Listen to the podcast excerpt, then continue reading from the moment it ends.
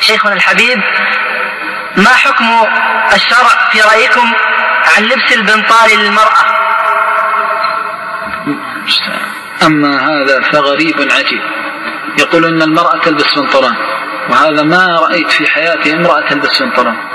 وأظن يمكن هذا في خاصة الناس أرجو أن يكون في خاصة الناس. وإلا فأسأل الله أن يسلم أعراف المسلمين من تقليد الكفار. المرأة دائما على الحشمة والعفاف وزينتها وجمالها الحياء. فلبسها للبنطال أسقط لحرمتها وأذهب لحيائها وجمالها. ومن رأى ذلك يعرفه. إذا لبست المرأة البنطال فعندها تدمع على المروءة. فإن من كمال مروءة المرأة ألا تلبس شيء يحدد جرم بدنها. ولذلك منع بعض العلماء من لبس العباءة التي تفصل على اليدين لأنها تحدد قدر اليد. هل هي نحيفة أو ليست نحيفة؟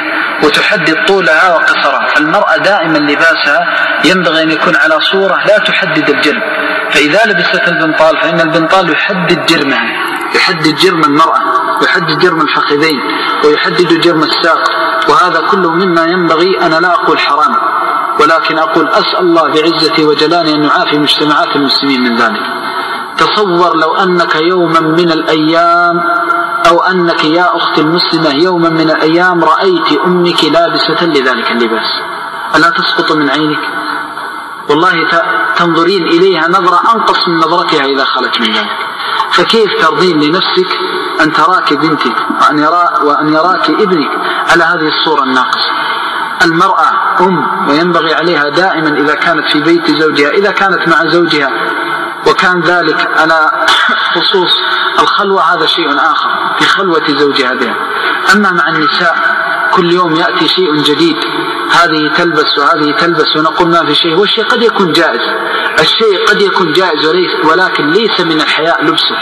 والنبي صلى الله عليه وسلم يقول إن مما أدرك الناس من كلام النبوة الأولى إذا لم تستحي فاصنع ما شئت. إذا لم تستحي فاصنع ما شئت. مررت على المروءة وهي تبكي. فقلت علامة علامة تنتحب الفتاة فقالت كيف لا أبكي وأهلي جميعا دون خلق الله ماتوا. إذا مات أهل المروءة فعلى الدنيا السلام. فجمال المرأة أن تكون على الكمال وأن لا تذهب إلى أن تبحث إلى الرخص والشيء المباح وتتوسع في ذلك بقدر لا يحمد.